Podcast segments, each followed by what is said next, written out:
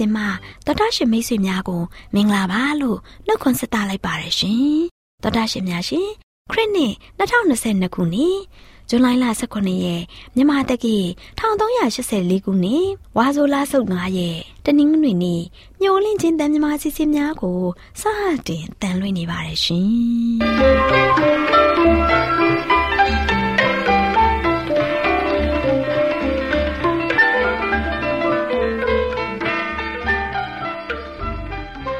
တော်တာရှင်များခင်ဗျာမျောလင့်ချင်းအတန်မြန်မာအစီအစဉ်ကိုနက်နက်6နာရီမိနစ်30မှ9နာရီအထိစကြောင်မီတာ kHz 10923ညညပိုင်း9နာရီမှ9နာရီမိနစ်30အထိ25မီတာ kHz 11943ညမှအတန်လွှင့်ပေးနေပါတယ်ခင်ဗျာဒီကနေ့တနင်္ဂနွေနေ့မှာထုတ်လွှင့်ပေးမယ့်အစီအစဉ်တွေကတရားဒေသနာဟောကြားခြင်းအစီအစဉ်ကျမ်းမာပျော်ရွှင်လူပေါင်းတွင်အစီအစဉ်စံပြအိမ်အောင်ရေးအစီအစဉ်တို့ဖြစ်ပါတယ်ရှင်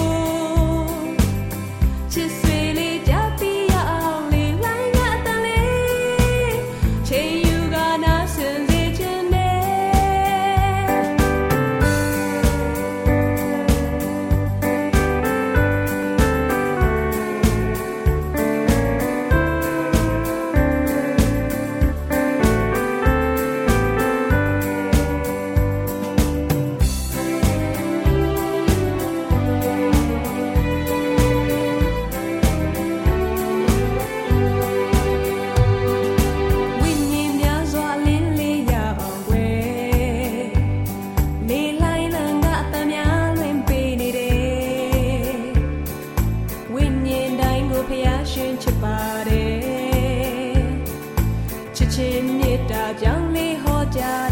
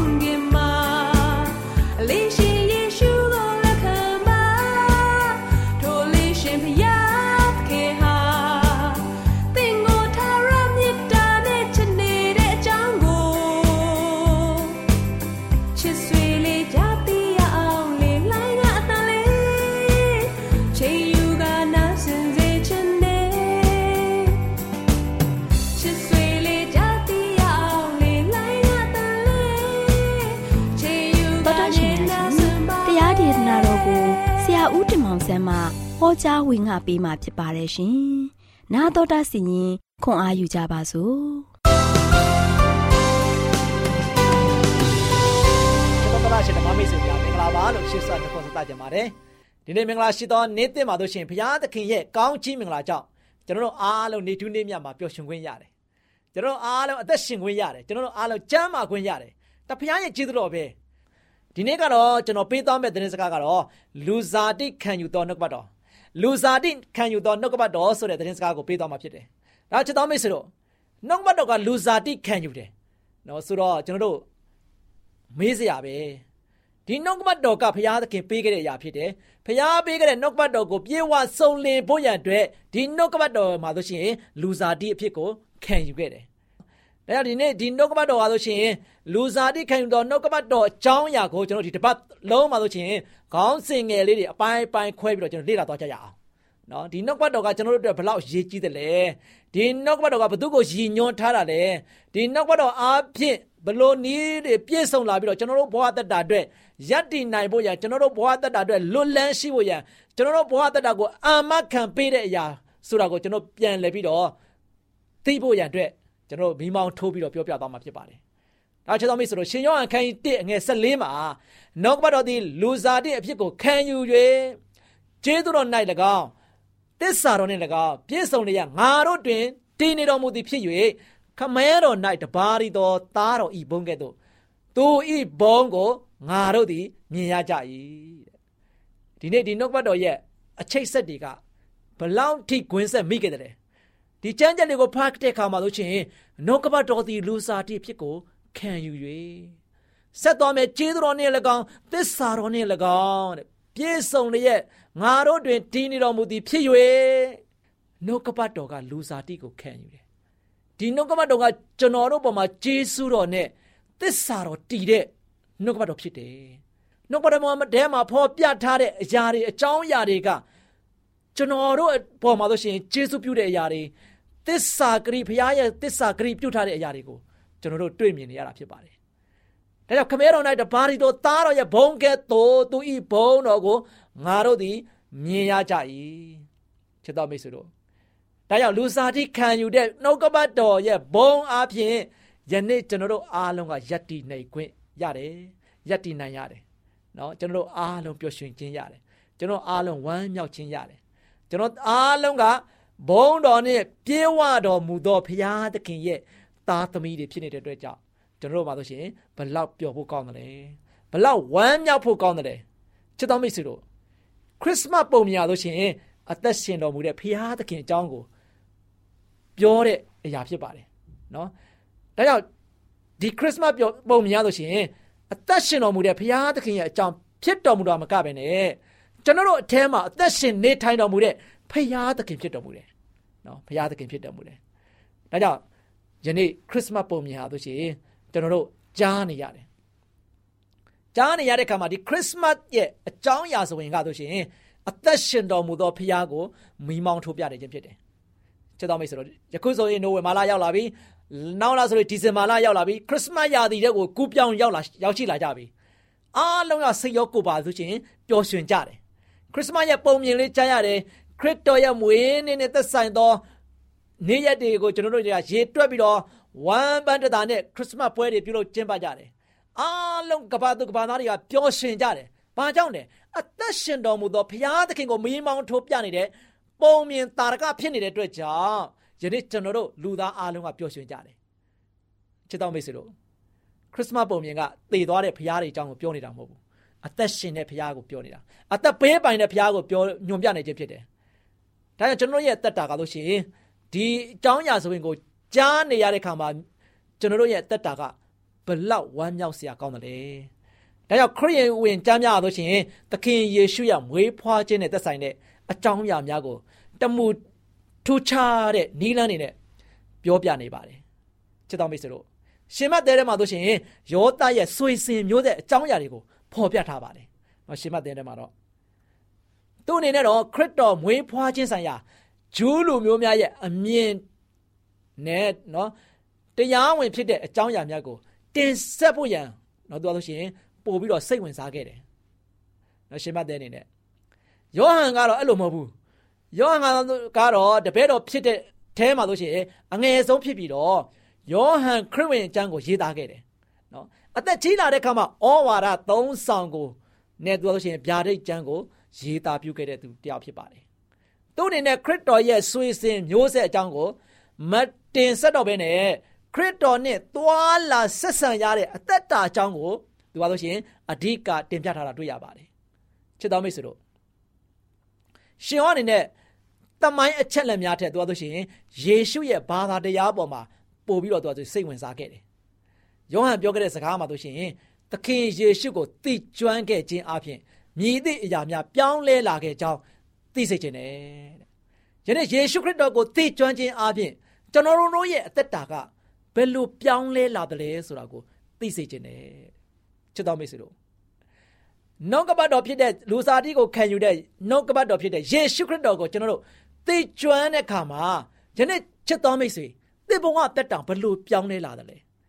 သင်ရဘဝတက်တာကနတ်ကိုပုံစံကနေမှယခုရရှိတဲ့ ပုံစံကဘယ်လိုနည်းအားဖြင့်ခံစားရတယ်လဲပြန်စဉ်းစားကြည့်ပါပြန်စဉ်းစားကြည့်ပါယေရှုခရစ်တော်ကိုကျွန်တော်ရရှိတဲ့သားသမီးတွေကငကိုပုံစံအတိုင်းကျွန်တော်တို့ရဲ့ဘဝတက်တာကိုတည်ဆောက်နေတယ်လားဒါမှမဟုတ်ယခုချိန်ကမှယေရှုခရစ်တော်ကြောင့်ကျွန်တော်တို့ရဲ့အသက်တာမှာလွတ်လပ်ပေါ်ပါပြီးတော့အမြဲတမ်းဝမ်းမြောက်ပျော်ရွှင်စွာနဲ့ဘုရားရဲ့ကောင်းချီးတွေနဲ့တူကျွန်တော်တို့အားလုံးကခံစားနေရသလားနော်ဒါကြောင့်ကျွန်တော်တို့ကာလို့ရှိရင်ယေရှုနဲ့သိကျွမ်းတဲ့သူတွေဆိုရင်တမှုထူးခြားပြီးတော့ ပြောင်းလဲခြင်းခံစားရမှာဖြစ်ပါတယ်တမှုထူးခြားပြီးတော့ကျွန်တော်တို့ရဲ့တက်တာမှာဆိုရှင်ဝမ်းမြောက်ခြင်းခံစားရမှာဖြစ်တယ်တမှုထူးခြားပြီးတော့ကျွန်တော်တို့ရဲ့တက်တာကလွတ်လပ်ခြင်းခံစားနေရမယ်နော်လွတ်လပ်ခြင်းခံစားနေရမယ်အချုံနောင်တွင်းကနေမှကျွန်တော်တို့အားလုံးကလွတ်မြောက်ပြီးတော့အမြဲတမ်းပဲဖခင်ရဲ့ဆောင်မပို့ဆောင်ခြင်းကိုခံစားရတဲ့ကမှာဝမ်းမြောက်ပျော်ရွှင်နေလိမ့်မယ်ဒါကြောင့်ယေရှုခရစ်တော်ကိုလက်ခံရင်တော့တမှုထူးခြားမှုကိုအမြဲခံစားရမှာဖြစ်တယ်နော်အမြဲခံစားရမယ်ဒါကြောင့်ချစ်တော်မိတ်ဆွေတို့ ရှင်းရခန်းကြီး7ခုနှစ်အငယ်3ပါလို့ရှိရင်ထာဝရတဲ့ဟုမူကားမှန်သောဖျားတဆူဒီဖြစ်တော်မူသောကိုတော်ကို၎င်းစေလွတ်တော်မူသောယေရှုခရစ်တော်ကို၎င်းသိကျွမ်းခြင်းဒီတဲ့နော်သိကောင်းတဲ့ကြံချက်ဖြစ်တယ်နော်ထာဝရတဲ့ဟုမူကားတဲ့ယနေ့ကျွန်တော်တို့ရဲ့မျော်လင့်ချက်ကထာဝရတဲ့ပဲနော်လူတိုင်းကထာဝရအသက်ရှင်ခြင်းကြတယ်သေသွားမှန်ကိုလူတိုင်းကစိုးရင်ကြတယ်သေခြင်းတရားကလူတိုင်းတွေအကြောက်ဆုံးသောအရာဖြစ်တယ် အမုန်းဆုံးသောအရာလည်းဖြစ်တယ်ယွန်ရှာတဲ့အရာလည်းဖြစ်တယ်ဒီသေခြင်းမှန်ကိုကျွန်တော်တို့အားလုံးကလူတိုင်းကရှောင်ကွင်းကျင်ကြတယ်ချစ်တော်မိတ်ဆွေတို့ဒါပေမဲ့ဒီသေခြင်းမှန်ကိုအောင်မြင်နိုင်တဲ့ဖခင်ကိုတော့လူတိုင်းကမကိုးကွယ်ကျင်ကြဘူးလူတိုင်းကမစိကပ်ကျင်ကြဘူးသေခြင်းမှန်ကိုအောင်မြင်ပြီးတော့ထာဝရအသက်ရှင်ခြင်းကိုပေးနိုင်တဲ့ဖခင်ကိုလူတိုင်းကမသိကြဘူးဘာဖြစ်လို့လဲချစ်တော်မိတ်ဆွေတို့ဒီနေ့ဒီကဘာပေါ်မှာရှိတဲ့လူသားတွေ အားလုံးကအတူတူပဲတို့အားလုံးအတူတူပဲတို့အားလုံးအားလုံးကဘုရားသခင်ရဲ့ဖန်ဆင်းခြင်းကြောင့်ဖြစ်တည်လာတဲ့သူတွေဘုရားရဲ့သားသမီးတွေဖြစ်တယ်။ဒါပေမဲ့ဘာကြောင့်ကျွန်တော်တို့ကထာဝရတက်ကိုပေးပိုင်တဲ့ဘုရားတစုတည်းသောဘုရားသခင်ကိုမသိရတာလေ။မသိကျွမ်းရတာလေ။သိကျွမ်းခြင်းမရှိတဲ့အတွက်ကြောင့်ပဲကျွန်တော်တို့ရဲ့အသက်တာကစိုးရုပ်တုန်လုံးမှုတွေနဲ့နောင်လာမဲ့တက်မလွန်မှာကျွန်တော်တို့ရဲ့အသက်တာကဘလို့ဖြစ်မလဲဆိုတာကိုမသိဘဲနဲ့သေသွားတဲ့လူတပုံကြီးပဲ။ဒါချက်တော်မိတ်ဆွေတို့ ထာဝရတက်ကိုပေးနိုင်တဲ့မှန်သောဖရာတဆူတီတော့ပဲရှိတယ်နော်ဒါပေမဲ့ကမ္ဘာနဲ့ဆေလွတ်တော်မူသောသခင်ယေရှုခရစ်တော်ကိုကျွန်တော်တို့ဘာလုပ်ရမလဲသိကျွမ်းဖို့အကျွမ်းတဝင်ရှိဖို့ဖရာနဲ့ကျွန်တော်တို့နဲ့ဆက်ကြားမှာအကျွမ်းတဝင်ရှိပြီးတော့သိကျွမ်းပြီးတော့ယင်းနီပေါင်းဖော်ပေါင်းဖက်ဖို့ရတဲ့အရန်ကြီးကြည့်ပါတယ်နော်အရန်ကြီးကြည့်တယ်ဒါကြောင့်ဖရာသခင်နဲ့ကျွန်တော်ပေါင်းဖော်မယ်ဖရာနဲ့တူပေါင်းဖက်မယ် ယေရှုခရစ်တော်နဲ့ကိုလည်းကျွန်တော်သိကျွမ်းမယ်ဆိုရင်ကျွန်တော်တို့ရဲ့မျှော်လင့်ချက်ကအပြည့်အဝရရှိမှာဖြစ်တယ်။ထာဝရအသက်ကျွန်တော်တို့မျှော်လင့်ကြတယ်။ထာဝရအသက်ရှင်ခြင်းကိုကျွန်တော်တို့တွေကနေကျင်ကြတယ်။အသက်ရှင်နေထိုင်ကျင်ကြတယ်။အဲဒီຢာကိုပေးပိုင်တဲ့ပေးပိုင်ရှင်ဘုရားသခင်ကိုကျွန်တော်တို့အားလုံးက သိကျွမ်းပြီးတော့အကျွမ်းတဝင်ယုံကြည်ကိုးစားခြင်းအပြင်ယနေ့ကျွန်တော်တို့ရဲ့ဘဝတက်တာကိုတိဆောက်ပြီးတော့ဖခင်နဲ့တူမွေးနေရောကြပါစို့လို့အားပေးတိုက်တွန်းနေမိလို့ဖြစ်ပါတယ်ချစ်တော်မိတ်ဆွေများအားလုံးပေါ်ဘုရားသခင်ကြွယ်ဝများပြားစွာကောင်းချီးမလာပြောထားပေးပါစေငယ်သူတွေကိုရွေးချယ်မှုဖြစ်ကဲလို့ရာသာနာရှိခဲ့ပြီးခင်ရှိတော်ဝင်ရောက်မီ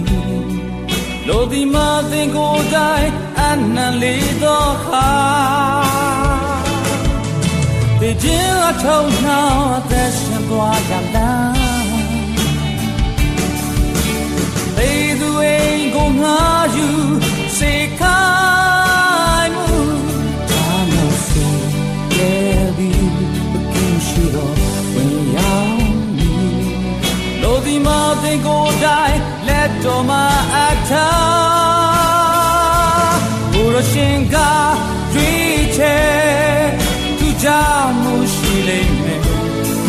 ရားရှင်က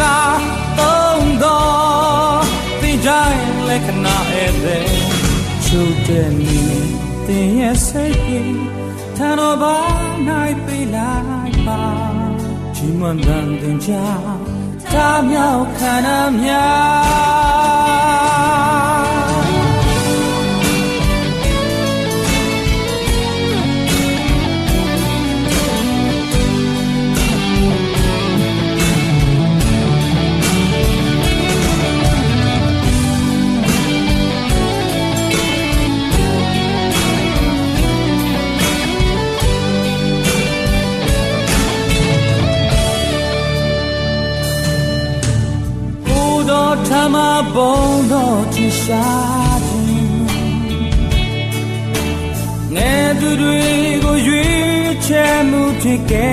နှုတ်ရာချမ်းမြောက်စေတယ်ဒီသင်ရှိတော်ဝင်ရောက်နေလို့ဒီမှာသင်ကိုယ်တိုင်အနံလေးသောခါဒီချင်းအထုံးနှောင်းတဲ့ရှင်သွားကြဒီချေတံမြန်မာအစီအစဉ်ကိုနာတော်တာဆင်းနေကြတဲ့သောတာရှင်များပါပါရှင်သောတာရှင်များရှင်ဒီကနေ့ကျမ်းမာပျော်ရွှင်လူပေါင်းတဲ့ကဏ္ဍမှာ ကျမ်းမာပျော်ရွှင်အောင်ဖြည်းဖြည်းလုပ်ပါဆိုတဲ့အကြောင်းနဲ့ပတ်သက်ပြီးတင်ပြပေးချင်ပါတယ်ရှင်သောတာရှင်များရှင်စိတ်ဖိစီးမှုလည်းနည်းမယ်လုပ်ငန်းတွေလည်းအောင်မြင်ဖို့ဆိုရင်ဖြည်းဖြည်းသာပြုလုပ်ပါ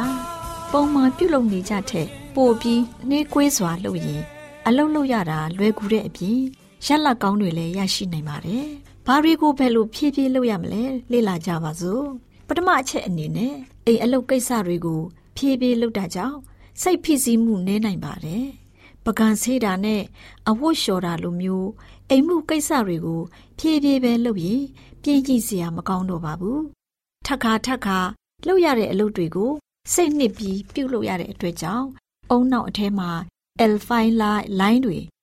alpha line တွေထွက်လာပြီးစိတ်ဖိစီးမှုနဲ့တင်းမာမှုတွေဟာတရားထိုင်ရင်ရော့ကျသွားသလိုမျိုးကျဆင်းသွားနိုင်ပါတယ်။ ဒုတိယအချက်ကတော့စကားကိုဖြည်းဖြည်းပြောပါ။စကားကိုဖြည်းဖြည်းပြောတာကြောင့်စကားသံပြီးသားနိုင်ပါတယ်ရှင်။စကားဖြည်းဖြည်းပြောရင်ဖြည်းဖြည်းသသအသံကြားနိုင်တယ်။စကားဖြည်းဖြည်းပြောတဲ့လူဟာစကားမြန်မြန်ပြောတဲ့သူတွေထက်သူတို့ပြောတဲ့အကြောင်းအရာကို40ရာခိုင်နှုန်းပိုပြီးပြည့်ပြည့်စုံစုံသိတယ်လို့ဆိုတယ်။စကားဖြည်းဖြည်းပြောတာဟာပြောတဲ့သူရဲ့အတွေးခေါ်တွေကိုတည်တည်ချာချာစဉ်းစားပြီးပြောနိုင်တာကြောင့်ဖြစ်တယ်။ နောက်တစ်ခုကတော့ကားဖြည်းဖြည်းမောင်းပါဆိုတဲ့အကြောင်းဖြစ်တယ်။ကားဖြည်းဖြည်းမောင်းရင်အသက်အန္တရာယ်ကိုကာကွယ်နိုင်ပါတယ်။ကားကိုဘယ်လောက်ပဲမြန်မြန်မောင်းမောင်းခရီးဆုံးရင်အချိန်စက္ကန့်ပိုင်းလောက်သာကွာပါတယ်။မီးပွိုင်တွေရှိနေတာအတွက်ကြောင့်ကားတိုင်းမီးပွိုင်မိနိုင်ပါတယ်။ကားတိုက်မှုတွေလည်းဖြစ်တာနည်းပါလိမ့်မယ်။နောက်တစ်ချက်ကအစာကိုဖြည်းဖြည်းစားပါဆိုတဲ့အကြောင်းဖြစ်တယ်။အစာကိုဖြည်းဖြည်းစားရင် ကိုယ်အလေးချိန်ပိုလျော့နိုင်တယ်။စိတ်ဖိစီးမှုလည်းနည်းပြီးအစာမကြေတာတွေလည်းနည်းတယ်။ကိုယ်အလေးချိန်အလွယ်တကူလျှော့ချနိုင်တယ်လို့သူတေသီတွေကပြောတယ်။ဒါအပြင်ပိုပြီးအစာကြေတဲ့အတွက်ခန္ဓာကိုယ်ကတင်စားလိုက်တဲ့အာဟာရတွေကိုပို့ပြီးတော့စုပ်ယူနိုင်ပါတယ်။နောက်ပြီးအစာအိမ်မှာအစာပြည့်သွားတာကို အုံနောက်ကိုအချက်ပေးဖို့အချိန်ပိုရသွားတာကြောင့်အစာစားတဲ့ပမာဏ နည်းသွားနိုင်ပြီးကိုယ်အလေးချိန်လျှော့ချသွားနိုင်ပါတယ်။သောတာရှင်များရှင်နောက်ဆုံးအချက်ကအလုတ်ကိုဖြည်းဖြည်းလုပ်ပါ။အလုတ်ကိုဖြည်းဖြည်းလှုပ်ဆောင်ခြင်းကြောင့်အလုတ်ပုံမူပြည့်စည်နိုင်ပါတယ်။တစ်ချိန်တည်းမှာအလုတ်အများကြီးကိုတပြိုင်နက်ပြုတ်လုတာဟာအလုတ်တစ်ခုချင်းစီကို ပြုတ်လုတာထက်ပိုပြီးအမှားများနိုင်တာကြောင့်အချိန်ဖြုံးသလိုဖြစ်သွားတတ်တယ်။ဒါကြောင့်အလုတ်တစ်ခုချင်းစီကိုတည်တည်ချာချာအာယုံစိုက်ပြီးလုပ်ပါ။ တစ်ခုပြီးမှနောက်အလုတ်တစ်ခုကိုလုပ်ပါအချိန်ကြာမြင့်စွာလုပ်ရတယ်လို့ထင်ရပေမဲ့တစ်ခုချင်းစီအတွက်ရက်လက်ကောင်းတွေရရှိနိုင်ပြီးအလုတ်ပြီးစီးမှုလည်းပိုများပါတယ်။သောတာရှင်များရှင်ကျမ်းမာပြောရွှင်အောင် ဖြည်းဖြည်းလှုပ်ပါဆိုတဲ့ကျမ်းမာရေးဘုဒ္ဓတာလေးကို အာရောချန်ကျမ်းမာရေးမဂ္ဂဇင်းအမှတ်230မှာဒေါက်တာဒေါ်ခင်မိုးမိုးရဲ့ရေးသားဖော်ပြချက်ထဲမှာကောက်နှုတ်တင်ပြထားတာဖြစ်ပါတယ်ရှင် ဒေါက်တာဒေါ်ခင်မိုးမိုးကိုလည်းအထူးကျေးဇူးတင်ရှိပါတယ်ရှင်။နာတော်တာစီနေကြတဲ့သောတာရှင်များလည်းကျမ်းမာရေးဘုဟုတုတရရှိပြီးကျမ်းမာပျော်ရွှင်ခြင်းဒုက္ခနဲ့ပြည့်စုံကြပါစေရှင်။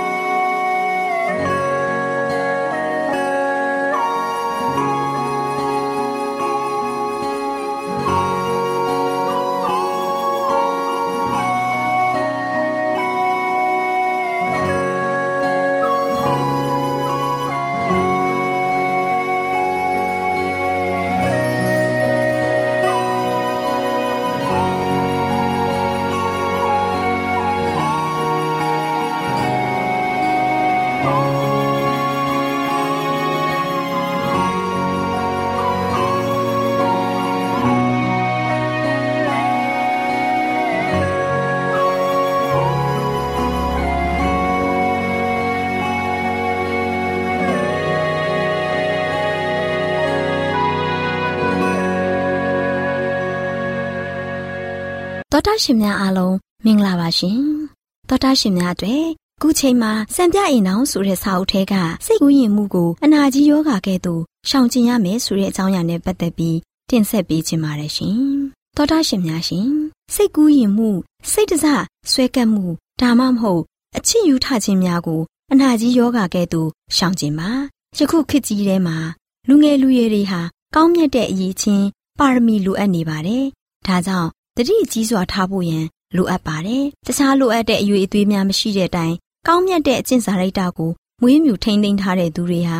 ကျင့်ဝတ်ဆိုင်ရာတန်ဖိုးရှိသူများဖြစ်လာနိုင်ပါတယ်။ဖျားတရားမရှိထက်မြက်တဲ့အော်တာပါစိတ်ရဲ့တိုက်တွန်းမှုမရှိဘဲလျက်ဘာသာရေးကိုင်းဆိုင်မှုရှိသူများကဲ့သို့နေထိုင်ခဲ့သူများရှိပါတယ်။သူတို့ဟာဝါကြွားပြီးတိမ်ပြင်းတဲ့သူများဖြစ်ကြတယ်။သူတို့ရဲ့နှုတ်ထွက်စကားတွေဟာအဆင့်တန်နှိမ့်ကြတယ်။လူမျိုးစကားပြောဆိုခြင်းနဲ့ မင်္ဂလာဆောင်ရန်ကိစ္စတွေကိုသာအာယုံစူးစိုက်လျက်ရှိပါတယ်။ဒါကြောင့်ပုံမမြင့်မား၍မြင့်မြတ်တဲ့အကျဉ်စီတွေကိုကြံစီတွေးဆဖို့အချိန်မရှိကြဘူး။တချို့လူငယ်လူရွယ်တွေဟာလူမျိုးစကားပြောဆိုခြင်းနဲ့ထိမ်းများခြင်းဆိုင်ရာကိစ္စနဲ့ပတ်သက်တဲ့စိတ်တစယောဂရဲ့ပြုစားခြင်းကိုခံနေရကြတယ်။စိတ်ကူးယဉ်ခြင်းနဲ့ချစ်ယူထားခြင်းတို့သာလျှင်အနိုင်စီးထားလျက်ရှိပါတယ်။ဒီလိုမှားယွင်းတဲ့ဩဇာတက်ရောက်မှုတွေအန္တရာယ်မှလူငယ်လူရွယ်တို့အားစောင့်ရှောက်ကာကွယ်ရန် တတိဝရိယနဲ့နေရာတကျစီမံတက်ခြင်းတို့လိုအပ်လျက်ရှိပါတယ်ရှင်။သောတာရှင်များရှင်မိဘတို့အနေဖြင့်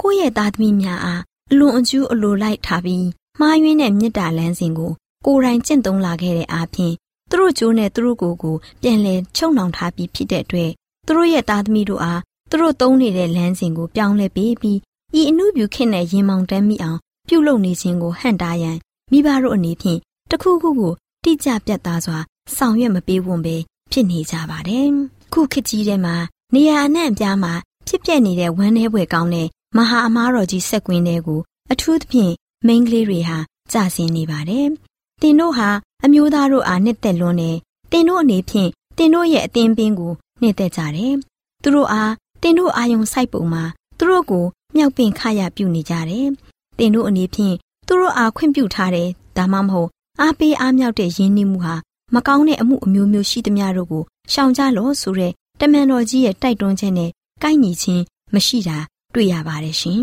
။စိတ်ကူးနဲ့လွမ်းစေတဲ့အရာဝတ္ထုတွေကိုစိတ်ကူးထဲမှာမထည့်ပါနဲ့။တင်တို့အနေဖြင့်တင်တို့ရဲ့ဘာသာအယူဝါဒကိုမြင့်တင်ပေးခြင်းမပြုဘဲနှိမ့်ကြစေတဲ့စိတ်ကူးနဲ့လွမ်းတက်၍အချစ်ယောဂထမှုတွေကိုရောနှောပစ်ကြတယ်။ဒီအခြေအနေဟာတင်တူးရဲကိုသာထိခိုက်တာမဟုတ်ပါဘူး။ တင့်ပုံသက်တည်နဲ့ဩဇာတက်ရောက်မှုကြောင့်တခြားသူများအနာတရဖြစ်ရတယ်။စိတ်ကူးဖြင့်ယူခြင်းနဲ့အချစ်ကိစ္စနဲ့ပတ်သက်ပြီးလေထဲမှာတိုက်အိမ်စောင့်နေတဲ့သူတွေဟာတင့်ရဲ့အတုံးမချမှုကိုဖျက်ဆီးပစ်လေပြီ။တင်ဟာစိတ်ကူးရင်လောကမှာရက်နေတယ်။ဒါမှမဟုတ်စိတ်ကူးနဲ့ယူနေပြီ။တင်ဟာစိတ်ကူးအားဖြင့်မာတုရတေခြင်းကိုရင်ဆိုင်ခဲ့ရပြီ။စိတ်ကူးမြတာဖြစ်တဲ့ခရိယန်တူပဲဖြစ်ပါတယ်။ဒီခေတ်ကဘာကြီးမှာစိတ်ကူးဖြင့်လွမ်းတက်မှုဟာ လူငယ်လူရွယ်တို့ရဲ့ဘာသာအယူဝါဒအတွေ့အကြုံနဲ့ထွေးရောရှက်တင်ဖြစ်နေတာနေရာအနှံ့ပြားမှာတွေ့မြင်ရပါတယ်။ကျွန်ုပ်ရဲ့ညီမတင်ဟာပြောင်းလဲမှုရှိရင်ဖျားသခင်အလိုတော်ရှိတော်မူတယ်။တင်းရဲ့မေတ္တာစိတ်ကို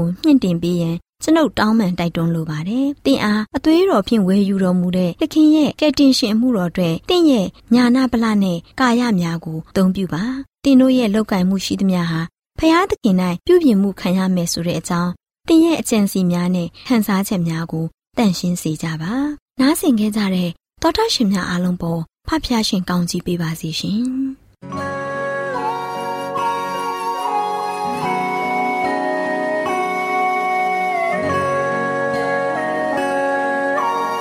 ဗုဒ္ဓရှင်များရှင်ကျမတို့ရဲ့ဓာတ်တော်စာပေးစာယူတင်နန်းဌာနမှာအောက်ပါတင်ဒားများကိုပို့ချပေးလျက်ရှိပါတယ်ရှင်တင်ဒားများမှာ ဆိဒ္ဓဒုက္ခရှာဖွေခြင်းခရစ်တော်၏အသက်တာနှင့်တုန်တင်ခြင်းများတဘာဝတရားဤဆရာဝန်ရှိပါကျမ်းမာခြင်းနဲ့အသက်ရှိခြင်းသင်နဲ့တင့်ကြမာရေးရှာဖွေတွေ့ရှိခြင်းမျိုးတင်ဒားစာများဖြစ်ပါရဲ့ရှင်တင်ဒားအလုံးဟာအခမဲ့တင်ဒားတွေဖြစ်ပါတယ်ဖြစ်ဆိုပြီးတဲ့သူတိုင်းကိုဂုဏ်ပြုလို့ရှင်းပြပေးမှာဖြစ်ပါရဲ့ရှင်တော်တာရှင်များခင်ဗျာဓာတိတော်အတန်းစာပေးစာယူဌာနကိုဆက်သွယ်ခြင်းနဲ့ဆိုရင်တော့ဆက်သွယ်ရမယ့်ဖုန်းနံပါတ်ကတော့39 656 296 336နဲ့39 98 316 694ကိုဆက်သွယ်နိုင်ပါတယ်ဓာတိတော်အတန်းစာပေးစာယူဌာနကိုအီးမေးလ်နဲ့ဆက်သွယ်ခြင်းနဲ့ဆိုရင်တော့ L A L R A W N G B A W L A @gmail.com ကိုဆက်သွင်းနိုင်ပါတယ်။ဗျာဒိတ်တော်အတန်းစာပေးစာဥထာဏာကို Facebook နဲ့ဆက်သွယ်ခြင်းနဲ့ဆိုရင်တော့ SOESANDAR Facebook အကောင့်မှာဆက်သွင်းနိုင်ပါတယ်။ AWR မျော်လင့်ခြင်းအတန်ကိုအားပေးနေတယ်တော်တာရှင်များရှင်မျော်လင့်ခြင်းအတန်မှာအကြောင်းအရာတွေကိုပုံမသိရှိပြီးဖုန်းနဲ့ဆက်သွယ်လိုပါက39 2939 3926ခွန်45နောက်ထပ်ဖုန်းတစ်လုံးအနေနဲ့39 688 464 48ခွန်ကိုဆက်သွယ်နိုင်ပါတယ်ရှင် AWR မျော်လင့်ခြင်းအတန်ကို Facebook နဲ့ဆက်သွယ်ခြင်းနဲ့ဆိုရင်တော့ AWR ရန်ကုန် Facebook Page မှာဆက်သွယ်နိုင်ပါတယ်ခင်ဗျာ။ Internet ကနေမျော်လင့်ခြင်းအတန်ရေဒီယိုအစီအစဉ်တွေကိုနားထောင်ခြင်းနဲ့ဆိုရင်တော့ website လိပ်စာကတော့ www.awr.org ဖြစ်ပါတယ်ခင်ဗျာတောတာရှင်များရှင် KSTA အာကခွန်ကျွန်းမှာ AWR မျိုးလင့်ချင်းအတံမြန်မာအစီအစဉ်များကိုအတံလွှင့်ခဲ့ခြင်းဖြစ်ပါတယ်ရှင် AWR မျော်လင့်ခြင်းအတန်ကိုနာတော်တာဆင် gay ကြတော့တောတာရှင်အရောက်တိုင်းပေါ်မှာဖျားသခင်ရဲ့ကြွယ်ဝစွာသောကောင်းကြီးမင်္ဂလာတက်ရောက်ပါစေကိုယ်စိတ်နှဖျားစမ်းမွှင်လန်းကြပါစေကျေးဇူးတင်ပါတယ်ခင်ဗျာ